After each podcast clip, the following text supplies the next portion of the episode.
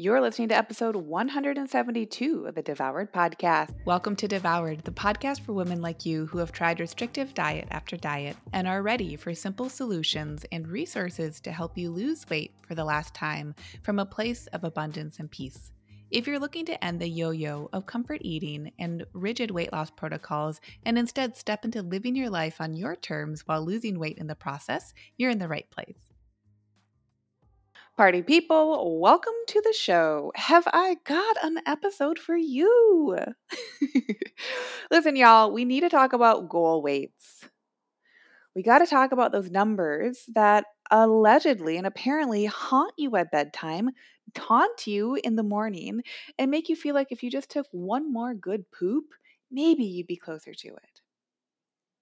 If you're feeling a lot of emotions around the scale weight and around having a goal, whether you feel like you shouldn't have a goal because you know a lot about the scale number and how it's a clunky measurement of what's actually happening, you know that your worth and the worth of the scale are two completely separate different things and yet you still have a sneaky feeling in the back of your head about a goal weight and how there's still this number that just hangs out.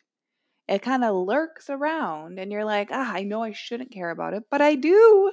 This is totally the episode for you because I want to help you debunk not only what a goal weight is, but why why we even have them. Like what do what do we do with them? because here's the thing if you have a goal weight and you're using that goal weight, like that number, that three digit number, as a form of motivation, what I want to tell you right now is that that number is going to stop motivating you at some point, and probably it stopped motivating you a couple of decades ago, or a couple of kids ago, or a couple of seasons ago, or in college, or in high school, or before that. So, when we're talking about goal weights, what I need you all to be thinking about this week is if you're going to set a goal weight, you have every right to. Now, usually what people do when they decide to like get the gall to lose weight is that they set a goal weight. Let's just say in this instance that the goal weight is like 30 pounds away, okay? Just for ease of conversation. So your goal weight is 30 pounds away, and you feel like if you were to just give it one more good old royal try, royal effort, the royal treatment to your weight loss, that you should be able to lose 30 pounds in like three months. You feel like that's approachable? Here's what I want to offer to you. Anytime you have an amount of weight that you want to lose, and you start to think about how much time it would take you to reasonably get there, I need you to double the length of time. Yeah. Because here's the thing when you lose weight for the last time, you're actually, now your emotions might not feel this way, but tactically, what you actually need to be doing is feeding yourself like you give a damn. You need to be tending to your emotions like you give a damn about them too. And you need to be practicing those together. Because, of course, anyone can lose weight quickly. And you can lose weight quickly without dieting too. But that's like not that useful for people. It's like the old adage of like, would you rather would you rather give a person a fish and they eat for a day? Or would you rather teach a person to fish and then they'll eat for the rest of their lives? It is the same principle with learning how to lose weight for the last time.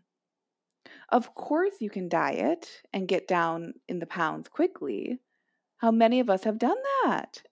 But wouldn't it be way more fun to actually learn how to feed yourself in a way that you like, that aligns with your values, in a way where your food is no longer an emotional thing, it's just pleasant? because you've actually taught yourself how to eat for your life, and then you let the weight fall off as you practice that instead of practicing the on again, off again of dieting. I really need you all to like hear this and listen to this and soak this in. This is what we're doing when we're losing weight for the last time. It's what my folks do in Lean and Liberated. It's why I say, okay, if you're going to be focusing on some amount of weight, think about like a half pound, maybe up to two pounds per week. If you're losing a half pound a week, put that into your calculation of your goal weight Okay. How many weeks would that be? Okay. How many months would that be? Okay. And then double that. Because you got to give yourself time for life. When life is lifey, y'all know me when I say this life is lifey. And we want to love that about life. Of course, we're going to have a back to school season where there's going to be unexpected stuff. Duh whether we're in a new phase of this pandemic or feeling like we're kind of out of it, but we're kind of not, or any other year. Of course. We just get to expect that. Do you see how this this gets to be part of the emotional work of losing weight for the last time? You actually get to slow your roll and you can go faster when you fill your role right now. So when you're practicing, setting a goal weight, first off, I want you to like just play around with the idea of having a goal weight. For some people, that goal weight, right, it might be closer to 80 pounds, 100 pounds plus. There's no problem there. But what I want to offer to you is that if that goal weight is feeling like it's very far away and you notice you get into a pattern of othering yourself from it, right? You start to like, drag your feet and look at the ground and kick stones and pebbles like I'll never get there. I can't do this. It's too hard. It's too much to surmount. Like I can't. I can't do it unless I'm motivated. And who could be motivated for a hundred pounds? what I want to offer to you is that that is like trying to motivate yourself to know how to water ski the very first time you're ever going to hold a pair of water skis. And oh, by the way, you don't even know how to swim yet. Like, if someone were to be literally hyperventilating on a dock because they want to water ski so bad, like they're excited, they want to water ski so bad, but they don't even know how to swim yet, but they feel like they should have so much pressure, like they should know how to swim by now. If you were watching someone go through that, would you say, like, yeah, man, tough nuts? Or would you say, cool, let's come back to the water a few times. Let's play in the water first. Let's dip your toes. And then over time, you'll learn how to like doggy paddle. And then over time, you'll learn a couple other swim in moves. And then over time, at that point, then we can play around with putting those water skis on your feet, and then we can go from there. If you have a weight goal that you notice you're in an emotional pattern of othering yourself away from, Here's the thing you get to both slow down, like I've already described, and also, I actually need you to like play around with the fact that part of this process might mean that you're you're how do I put this? You're becoming comfortable with the slowdown, meaning you're not beating yourself up if what would serve you best is focusing on a 10 pound goal instead of the 100 pound goal. Right? Because it's very easy to get into the brain pattern of discounting. That's a really, really common one I see a lot with my clients is that they'll have goals, they'll set intentions for themselves, and they'll actually smash them. they'll totally rock them. And their brain initially will be like, yeah, okay, cool, next. Like, yeah, well, of course I did that. I do stuff like that. Oh, you want me to celebrate? No, I don't really celebrate. our brains can become so enamored with the idea of discounting as a way to like um, support our egos and yet also keep ourselves very separated and away from the things that we are actually literally have proof that we're moving ourselves towards. So when you have a goal weight, your first job, number one, is to play around with what your expectation is in terms of obtaining that from a time frame.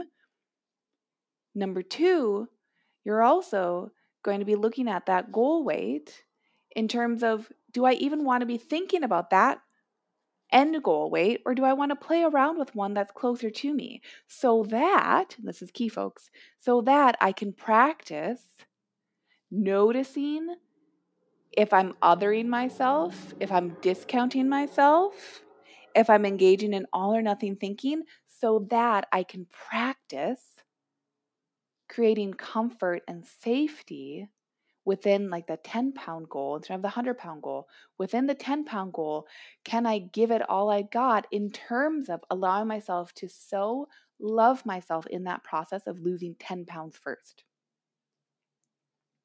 Because if you've listened to the episode, How to Love Yourself Down the Scale, this is how we do it. You don't discount, discount, discount, discount every time you hit another 10 pound goal and then expect that 100 pounds, you're like, oh, wee, I know how to celebrate.